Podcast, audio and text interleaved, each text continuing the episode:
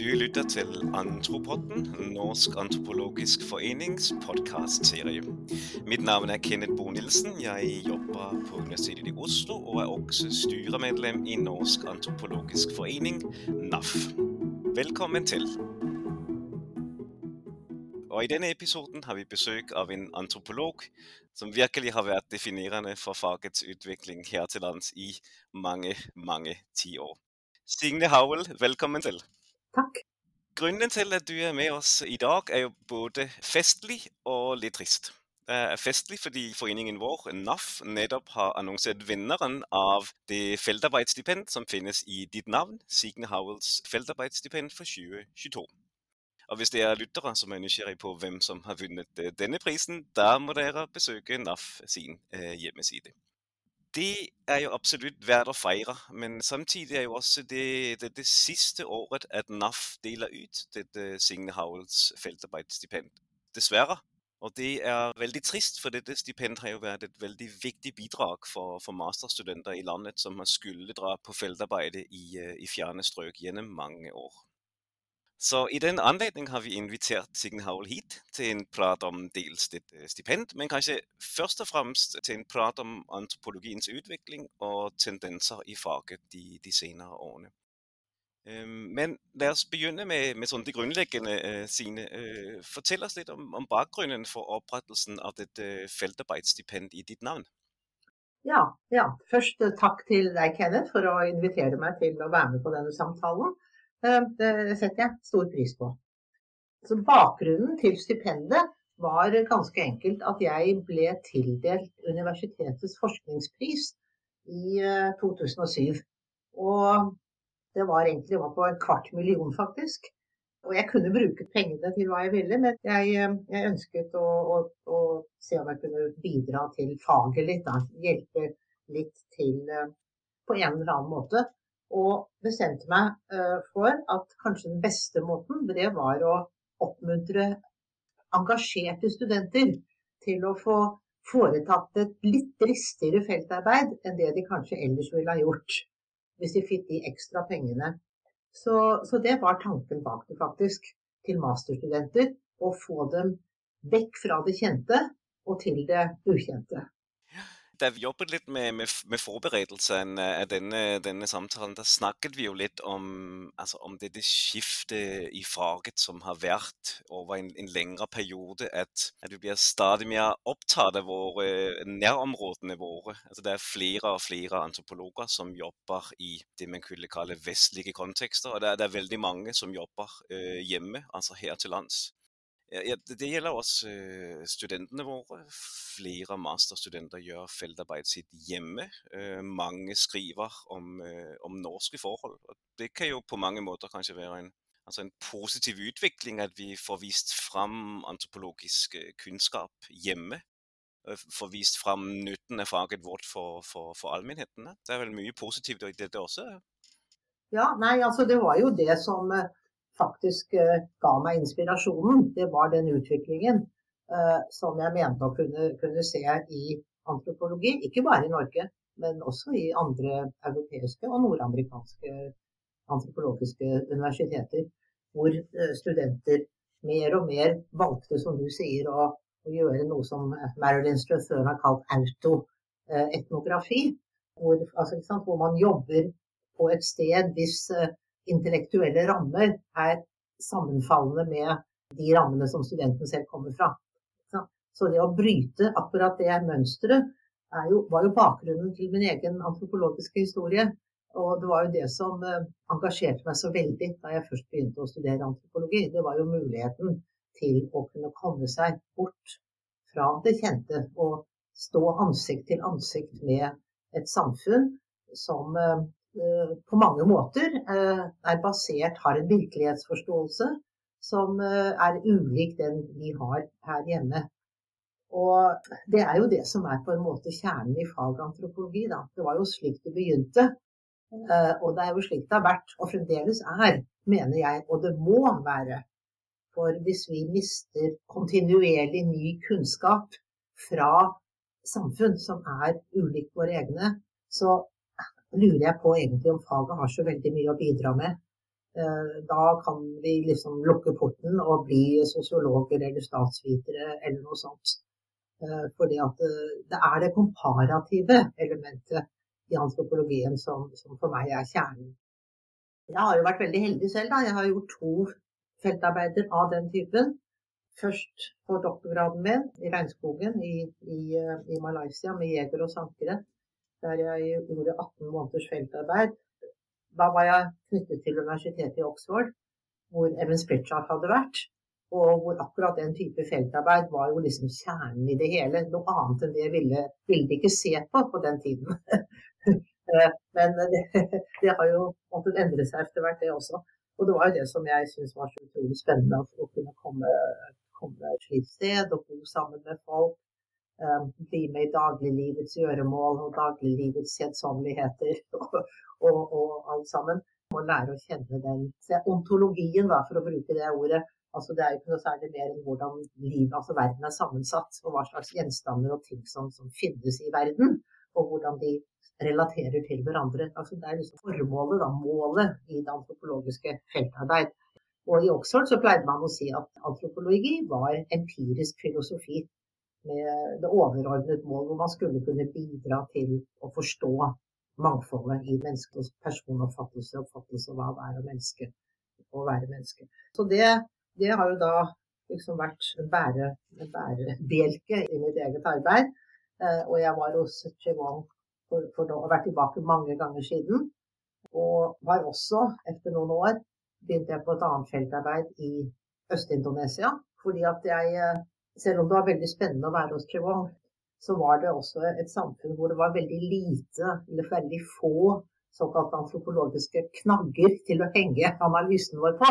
Eh, og jeg drømte litt om annet, en annen type samfunn da, som hadde de litt mer klassiske, dramatiske kan du si, sosiale former. Og det fant jeg hos liene i Øst-Indonesia, hvor de hadde veldig komplisert slektskap, var hierarkisk. De hadde kategorier av mennesker liksom med, med, ledere og alminnelige folk og slaver.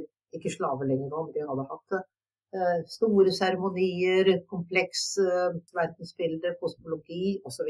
Så, videre. så de to feltarbeidene var jo av den klassiske sorten, kan man si. Der var det liksom mer sånn at man var der og ventet og så hva som kom opp. Og så brukte man den empirien til å, å analysere litt. Altså da, ikke sant? Men det var empirien som var det viktige. De teoretiske spørsmålene ble fremelsket av teorien. Og, og det, det syns jeg fremdeles er veldig viktig. Ikke ha en sånn klar problemstilling, et klar forskningsspørsmål når man, når man reiser ut. Men, eh, så Derfor er det også veldig viktig med, med feltarbeid, for å ha den open-ended holdning, tror jeg da. I hvert fall. Så jeg hadde de uh, feltarbeidene bak meg. Mm. Ja, jeg, jeg, har jo hatt den, øh, den, glede et par ganger å sitte i den komiteen som har utdelt feltarbeidsstipendet i ditt navn. Og noe av det vi har vært opptatt av, er jo nettopp dette med studier i ikke-vestlig kontekst i de prosjektsøknader som er kommet inn. Et annet øh, element er jo dette med mikrostudier i, samfunn der man kan fordype seg i befolkningens dagligliv, slik det står i teksten. Altså dette med å, å bosette seg og leve som lokalbefolkningen gjør. Dette det er jo på mange måter den sånn, sånn konvensjonelle antropologiske måten å, å, jobbe på. Så jeg lurer litt på hvorfor du følte et slikt behov for å spesifisere akkurat det i tilknytning til dette feltarbeidsstipendet. Ja, det var altså Én ting var at man skulle ut av sin egen bakgård. Og det andre var at det skulle bli et mikrostudium. Det var de to kravene jeg hadde. Og, og, begge de to henger jo sammen, men er også for meg veldig viktig at når et, Jeg syns det er veldig viktig for en antropolog som begynner på sitt første feltarbeid, at, at det er et, så sant det er som mulig da. At det er veldig ønskelig med en slik type feltarbeid. Fordi at man lærer så utrolig meget av det. Én ting er at man er utenfor vår egen eh, autonome sfære. En annen ting er at ved en bok, ved en mikrostudie, så kan man være 24 timer i døgnet, man bruker ikke spørreskjemaer. Man er liksom flue på veggen så sant det er mulig å, å, å være. At jeg ønsker at studenter skal få muligheten til å erfare det som masterstudenter. Og det er ikke det at de kan svare på de store filosofiske spørsmålene etter seks måneders maks feltarbeid et eller annet langt sted langt av gårde. Men det er at vi har hatt den anledningen til å utsette seg selv for kultursjokk, rett og slett. Altså Det er mange som har hevda at et kultursjokk er i seg selv et metodisk sterkt grep. fordi at det, Du må begynne å se på deg selv som et resultat av hva du oppdager hos de andre. Og det, At man kan få muligheten til å erfare det, og bruke eh, den kunnskapen man har hatt som eh, på et bachelornivå, til til å tenke rundt det man observerer og, og møter i en mikrostudie langt unna. Det, det, er tanken bak det. Og så kan man senere, kanskje hvis man fortsetter, eh, velge en annen type prosjekt. Men da har man den erfaringen liksom i bakgrunnen som jeg mener er veldig viktig for å kunne videreføre faget på en sånn ansvarlig måte. Da. Mm. Nå, nevnte du dette med observasjon og, og deltakelse i tilknytning til disse, disse mikrostudiene. Dette er jo igjen en, eh, på mange måter sånn, kjernemetoden i den framgangsmåte som, eh, som antropologer har, har, tatt på seg. Eh, du var vel for så vidt inne på dette nå også med, med kultursjokket og det å bli egentlig rystet i sin grunnvoll, kunne man si. Men kunne du si litt mer om, om, det som er det unike ved denne metoden? Altså deltakende observasjon, som vi vel fortsatt ser på som en definerende framgangsmåte for, for faget vårt? Ja, det begrepet brukes veldig løst i våre dager, syns jeg. Og etnografisk forskning osv. brukes veldig løst. Og, og, jeg har sett, etter å ha sittet i flere sånne kommisjoner for å, for å vurdere søknader eh, fra forskjellige samfunnsfag, og jeg merker meg at eh, det er flere og flere ikke-antropologer som sier i sin søknad at del av prosjektet skal være etnografisk eller antropologisk.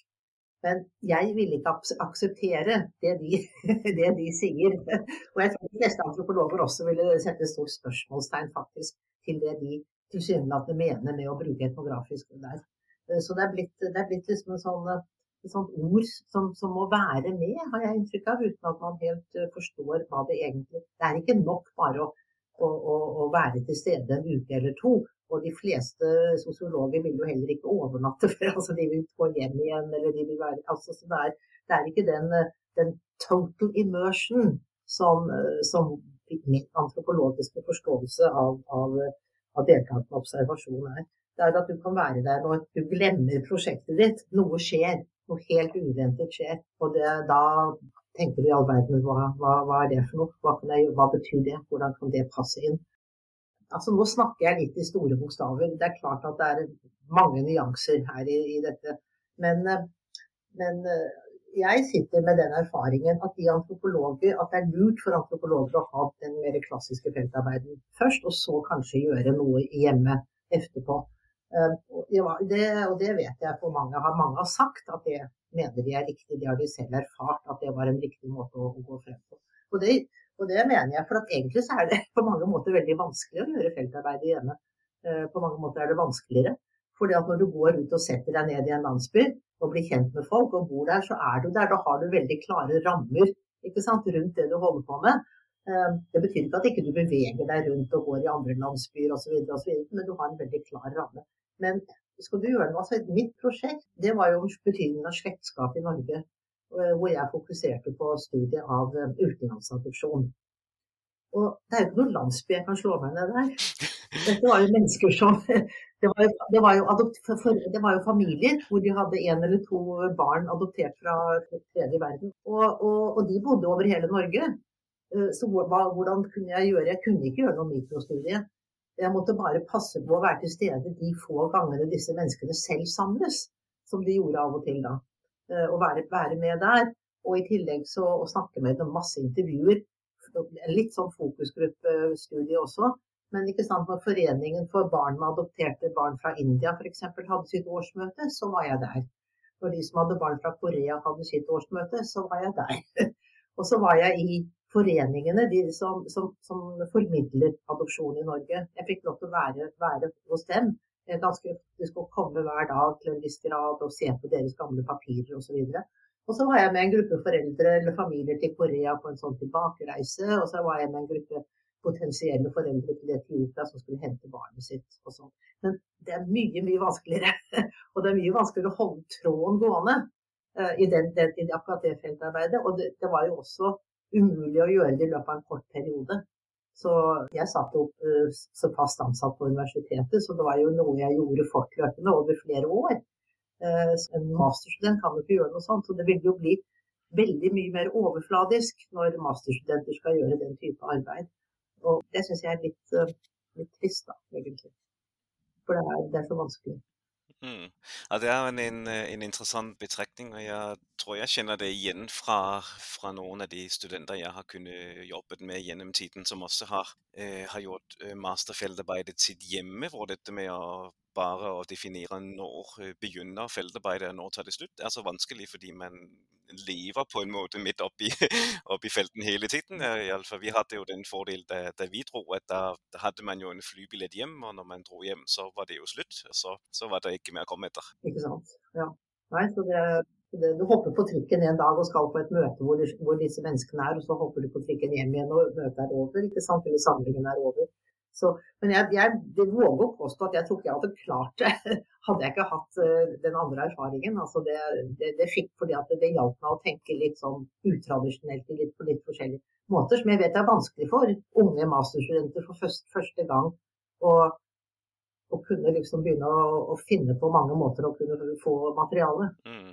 Jeg hadde lyst til å vende litt tilbake til dette vi, vi snakket om før, med deltakende observasjon og, og, gjøre etnografi. For du var inne på dette med at uh, det er på en måte et uh, begrep som er litt under uh, press utenifra, i og med at så mange andre fag nå også hevder å gjøre etnografi, men de mener noe veldig forskjellig fra, fra det som vi legger i dette, dette begrepet. Jeg, jeg lurte på, er det, er det også en, en sånn kanskje litt internt press fra antropologien som dytter på dette lange etnografiske feltarbeidet med, med deltakende observasjon. Er det også noe i, i, faget som på en måte gjør at dette lange feltarbeidet og mikrostudiet kanskje er, er, under press også innenifra? Ehm, på tross av at vi tenker på dette som, som vår definerende metode fortsatt. Ja, det er jo veldig mange store prosjekter på SAI Eh, hvor jeg har, har inntrykk av at det, er, at det er helt annen type forskning som drives enn den jeg snakker om, eh, blant, blant flere kolleger eh, som har store prosjekter. Og det er jo greit nok, for de er erfarne antropologer, og de vet hvordan de skal få mest mulig ut av en, en situasjon. Men for masterstudenter så, så, er ikke det å anbefale. Så det var tanken min i hvert fall, at de skulle få muligheten til å foreta et sånt, et sånt feltarbeid. Men jeg må si en ting til. Og det er, og det har du spurt om også, det er eh, altså er det ikke greiere å, å, gjøre feltarbeid i Norge sånn rent karrieremessig? At man kanskje kan få en jobb. ikke sant? Og så Mormor og morfar spør alltid barnebarn ja, men hvorfor studerer du det, hva kan du gjøre med det, hva slags jobb kan du få med det? Og der har instituttet faktisk en jobb å gjøre.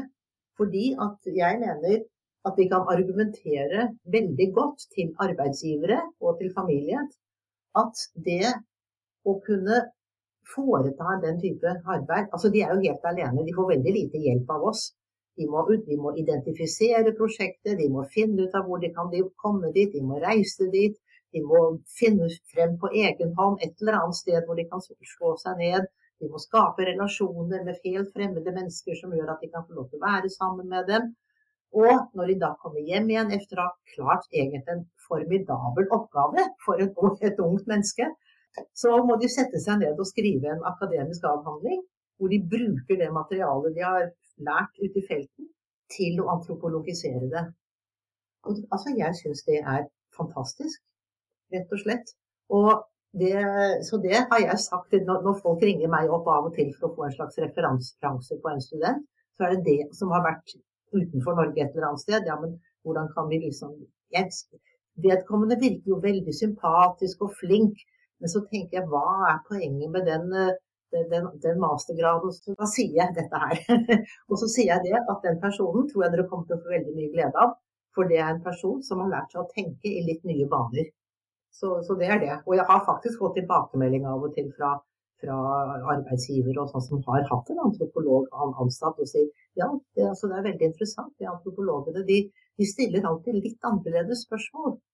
Og det må instituttet bli veldig flink til å formulere og tenke på og kunne formidle til, til utenomverdenen, tror jeg. At, at, det er ikke innholdet i seg selv som er så viktig, Men det er hva vi har gjort, og hvordan vi har gjort det. Ja. Mm. Det er en, det er en kjempe, kjempeviktig betraktning, og jeg lurer på om den, den, oppgaven faktisk er så viktig at det burde gjøres eh, av antropologien på, på nasjonalt nivå, ikke rotfestes i de enkelte institusjonene. For, for man, man, kunne jo med god grunn si at en, en masterstudent i sosialantropologi har jo vært sin egen eh, prosjektleder ja. i, i, i, to år på en, en sånn master. Um, ja fra å designe et eget prosjekt til å, å styre datainnsamling og, og, og, selv skrive. Så det, det, det, det, er jo en sånn generisk eh, ferdighet som, som alle burde være interessert i. Ja. Nei, det er, er, og de som fullfører der, det er veldig beundringsverdig, egentlig. Og de har gjort en kjempeoppgave som vi ikke alltid tar eh, høyde for, tror jeg. og, og det, er også, det, er, det er også man sitter og leser, leser oppgaven som en eksamenskommisjon så prøver jeg alltid å gi den studenten som har gjort noe sånt altså Jeg mer, altså prøver å si at ikke vær så streng. altså Her altså er det en B eller en A eller en C. Og så mot, I sammenligning med en som har vært i en barnehage i Oslo, som sikkert har gjort en veldig god jobb i barnehagen også, det er ikke det. Men hvis barnehagen stadig vekk får AR, og de som har vært på Ny-Guinea stadig vekk får CR, så, så, prøver jeg å sette foten ned, rett og slett. At de må få uttelling for, for, for det, det, de har klart å få til. Men det er jo ikke alle som er enig i det. Mm. Det var to ytterligere, kunne man si, tendenser i faget som jeg hadde lyst til å diskutere med, med deg. Altså to sånne utviklinger som har vært i, av de siste ganske mange tiårene, der, men som kanskje har akselerert noe. Og det ene har vært dette med flerplassetnografien. At folk gjør eh, feltarbeidet ikke som en sånn lokalisert eh, dybdestudium, men at man beveger seg rundt. Um, og den, den andre tingen som er blitt kanskje enda mer tydelig under pandemien, er dette med digital etnografi. At man begynner å gjøre en form for etnografisk forskning på det digitale livet. Jeg var veldig nysgjerrig på å høre dine refleksjoner rundt eh, disse tendensene i lyset av nettopp disse tingene med det lange feltarbeidet, det lokaliserte mikrostudiet. Ja, det, det, det får ta det siste først. Så har jeg veldig lite å bidra med til digital etnografi. Jeg forstår det ikke, rett og slett. Jeg forstår ikke hva, hva de gjør. Men jeg vet jo at, at det er flere av ja, mine tidligere kolleger på SAI som, som, er veldig begeistret for det, og mener at veldig godt arbeid utføres. Og jeg, jeg stoler jo på dem. Eh, men det er jo det er bare så helt annerledes. Men, det, samtidig så vil jeg si at jeg tror ikke de ville gjøre, kunnet gjøre jobben sin så godt hvis ikke det var veldig mye gammel etnografi de har lest opp gjennom studiene, som har gitt dem eh, forskjellige fokuser på hvordan man kan, eh, man kan foreta et sånt, et sånt feltarbeid. Det, ja, det, det, for de har jo studert antropologi ikke sant, før de begynner på dette prosjektet, så de har jo en del ballast inni seg av hva slags type fokuseringer og antropologer er interessert i. Så, så jeg regner med at de bruker det uh, når, de, når, de, går inn. Så noe mer enn det kan jeg ikke si. Men uh, men jeg vet jo f.eks. at eh, flere av mine Da, da må si altså Marianne Gullestad f.eks., som jo er en veldig, veldig god etnograf av norsk sånn arbeiderklasse, kvinners virkelighet.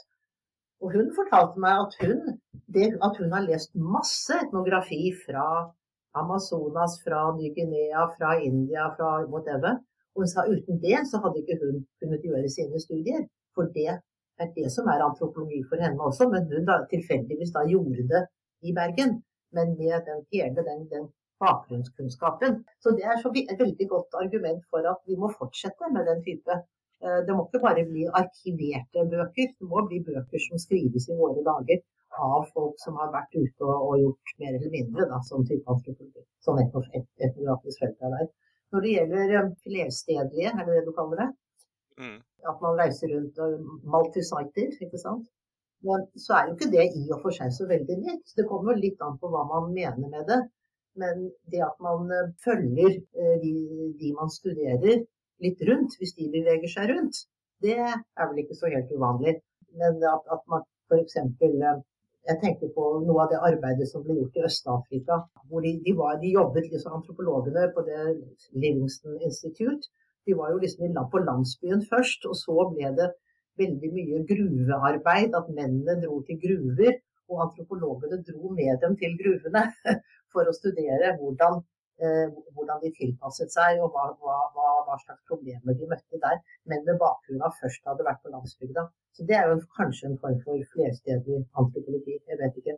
Men jeg vet også at uh, på Flores f.eks., der hvor jeg var, uh, så var det plutselig en del folk som, som, flyttet over til Malaysia for å få arbeid, sånn migrantarbeid. Uh, og da var det antropologer som flyttet med dem, som for å studere hvordan, hvordan, det gikk. Og Da er det en sånn feedback da, mellom opprinnelig sted og, og det nye stedet, som, som, jo kan være veldig viktig og veldig interessant. Det kaster jo lys liksom, på begge, begge veier. Men uh, er det det du tenker på, eller tenker du at man ja, det må vel, for det, Hvis man starter på et helt nytt feltarbeid, så er jo det noe helt annet.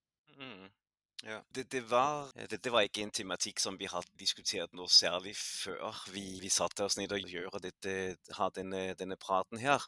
Men det med, med, å ha den tiden til å kunne gjøre disse lange feltarbeidene hvor man går, drar ut med åpent sinn, om man så kunne si, uten et klart sånn predefinert problemstilling, men med denne åpenheten overfor hva det verden tilbyr meg. Altså, de rammene rundt uh, antropologien i dag gir jo stadig mindre tid til den typen forskning. Masterstudentene skal være ferdige til tiden. Uh, ph.d.-studentene skal ikke bruke mer enn tolv måneder, fordi så blir ikke de ferdige til tiden. Etabler etablerte forskere mm. sitter med administrasjon og er i stadig større grad avhengig av eksterne midler for å kunne gjøre disse ting. Det er noe sånn strukturelt rundt faget som, som, som også utfordrer det som vi sitter og, og snakker så begeistret om nå, dette lange feltarbeidet med, med åpne rammer. Hvordan kan vi forholde oss til disse rammene? Jeg lurer selv på det i min, min hverdag. jeg. Ja, det, det, er jo liksom det store spørsmålet, det. Jeg, jeg, jeg syns det er både trist og skremmende det jeg ser eh, som skjer etter at jeg har forlatt SAI. Det er blitt sånn voldsom fokusering på midler. Skaffe midler, skaffe midler, skaffe midler. Store prosjekter som, som, du sier må administreres av den forskeren som er, den, som er liksom den flinke og har klart å få satt sammen en fantastisk søknad. Og får ikke så veldig mye tid til å på den søknaden. For det er så mye administrering av ph.d.-er og postdokker og whatever som kommer inn i, inn i den bildet.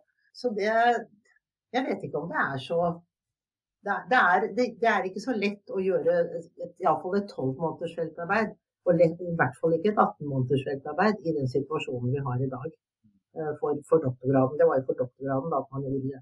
Eller hvis man f.eks. fikk et sabbatsår at det ble brukt til totalt i feltarbeid, det tror jeg er blitt veldig vanskelig etter hvert. Mm. Eh, fordi at eh, man, eh, Hele strukturen er blitt så annerledes. Det er, det er blitt så veldig fokusering. Og se på universitetet. altså Jeg husker det er en svær prosent av, av midlene til universitetet kom jo via forskningsmidler. Mens tidligere så var, var mesteparten av pengene universitetet hadde, de kom, jo, forskningen kom fra universitetet selv. Mm. Nå kommer det primært utenfra. Og da styres det av tverrfaglige komiteer som ikke helt vet hva antropologien holder på med, og verdien av antropologien. Så hmm. ja. Så det, det er, jeg har slått et lite slag for alle disse gammeldagse ideene. Det er vel det jeg til slutt. Jeg har, jeg har, ikke vunnet.